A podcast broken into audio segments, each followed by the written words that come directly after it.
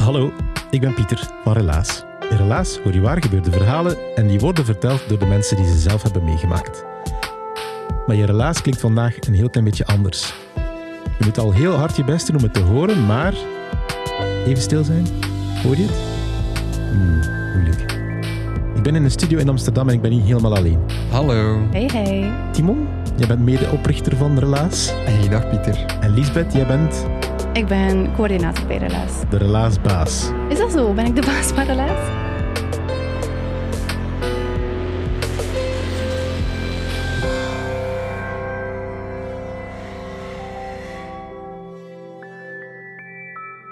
Waar zijn wij nu? Eh, we zijn in Amsterdam, in de studio's van Dag en Nacht Media. Kan je niet horen, hè? Als, zelfs als we stil zijn, kan je dat horen, Amsterdam?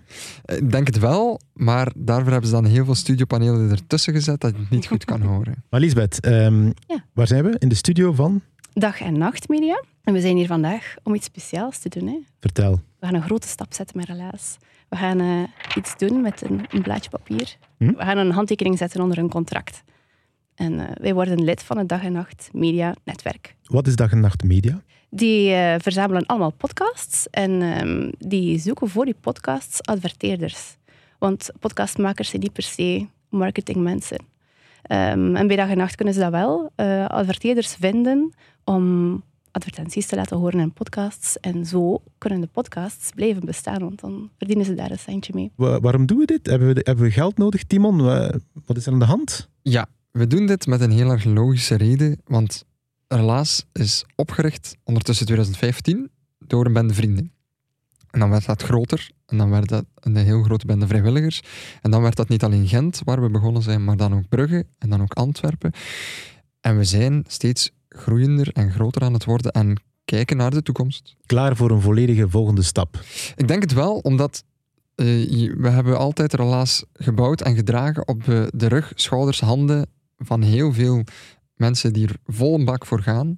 Maar dat kan maar zo lang en dat kan maar zo groot. En ik denk dat we nu een professionele stap naar voren kunnen zetten en in plaats van een paar maanden vooruit kunnen kijken, misschien eens wat langer vooruit kunnen kijken. En dan een paar jaar bijvoorbeeld. Dat konden we tot nu toe niet. eh, maar we verdienen toch op bepaalde manieren centjes. Lisbeth, vertel eens, hoe, hoe verdienen wij nu al centjes en waarom komt dit er nog bij? Wel, we verdienen nu al centjes doordat we vertelavonden organiseren. Daar verkopen we ticketjes voor. Maar die, die, die inkomsten gaan al meteen ook gewoon naar de organisatie van de vertelavonden zelf. Af en toe maken wij ook andere podcasts voor andere opdrachtgevers. Of we geven workshops rond storytelling. We verkopen ook leuke relatiespulletjes. Goodies! Ja, goodies. Een mooi, mooi, mooi boek. En een toffe koffietas. ehm, die je kan gebruiken om, terwijl je koffie drinkt, naar relazen te luisteren. Mhm. En wij eh, rekenen ook wel op subsidies. Eh, Maar die zijn altijd onzeker. Hoe lang we daar kunnen blijven op rekenen, dat weten we niet zo goed. Ehm, dus daarom is het wel heel fijn. En ja, ook- je kan ook vriend worden van de show. Zo kunnen mensen ons ook steunen. Eh, en zo kunnen we ook een beetje centjes binnenhalen. Ja, dus we hebben vrienden van de show, mensen die ons, in ons geloven. Ja. We verkopen onze goodies, we hebben ons vertelavonden, eh, een stukje subsidies. Maar er komen dus vanaf nu advertentieinkomsten bij. Klopt. Wat betekent dat? Wat ga ik moeten doen? Ga ik moeten reclame maken dan? Soms wel, Pieter. Ja? Ja, als, als je erachter staat. Hè? Ja, dus ik ga mijn beste reclamestem inoefenen.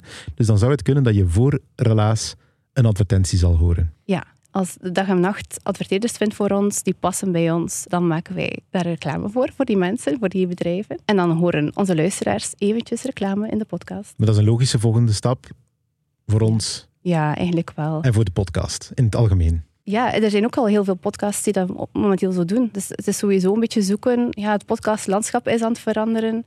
Podcasts groeien en moeten professionaliseren. En ook een beetje kijken naar marketing. En ik ben blij dat we dat niet zelf moeten doen. Dat we dat via dag en nacht kunnen regelen. Ik denk het belangrijkste dat de luisteraar moet weten is, relaas gaat in hart niet veranderen, maar gaat er toch een beetje anders uitzien en uitklinken. Ah ja, want jij bent de relaascoach. Ga je dan de, de, de vertellers ook inpeperen dat zij om de 10 minuten het merk moeten noemen?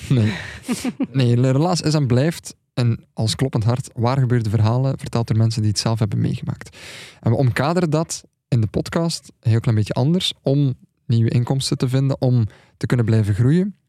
Maar in het midden eh, gaat er gewoon nog altijd een verhaal zitten, ononderbroken, live verteld op een podium, ergens in Gent, Antwerpen, Brugge of misschien ergens anders.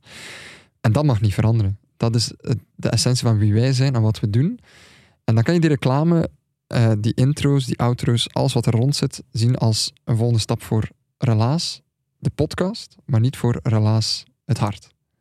Ik denk dat dat heel belangrijk is. Dat je, als je fan bent van Relaas, dan kan je luisteren. En dat ben je misschien dan al aan het doen, want anders ben je dit niet aan het horen. Maar dan kan je luisteren en dan krijg je nog altijd van ons waar we goed in zijn, wat we graag doen en waar we in geloven.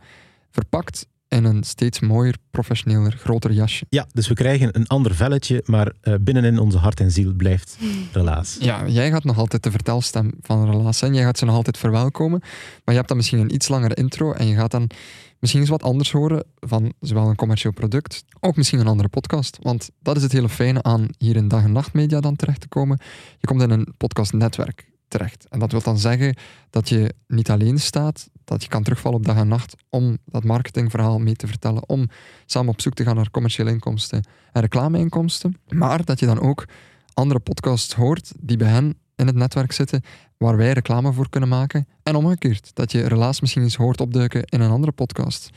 Lisbeth, in welke club van podcasts komen wij dan terecht met dag en nacht? Ah, er zitten er superveel in. Eh, bijvoorbeeld de Vlaamse Kunstroof vond ik heel mooi. Echt gebeurd, onze goede vrienden uit Nederland, die ook waar gebeurde verhalen vertellen, waar ik heel erg graag naar luister. Ons grote voorbeeld, hè? ja. Ja, dat is waar. Ja, staat ook wekelijks op mijn lijstje. En ik luister heel graag naar de Volksjury ook. Dat is een Vlaamse podcast die ook bij Dag en Nacht Media zit.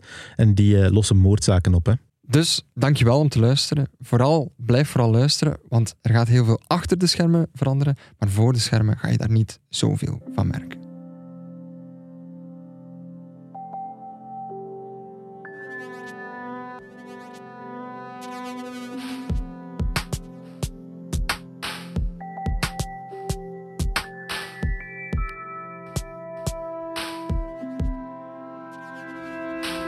Dus deze aflevering van Relaas was een heel klein beetje anders. Hè. Je krijgt er geen verhaal bij, maar het was eventjes een eh, blik achter de schermen. Maar niet vergeten, vanaf volgende week krijg je gewoon weer je vertrouwd oud Relaas. Misschien wel in een klein apart nieuw jasje. Maar vooral niet.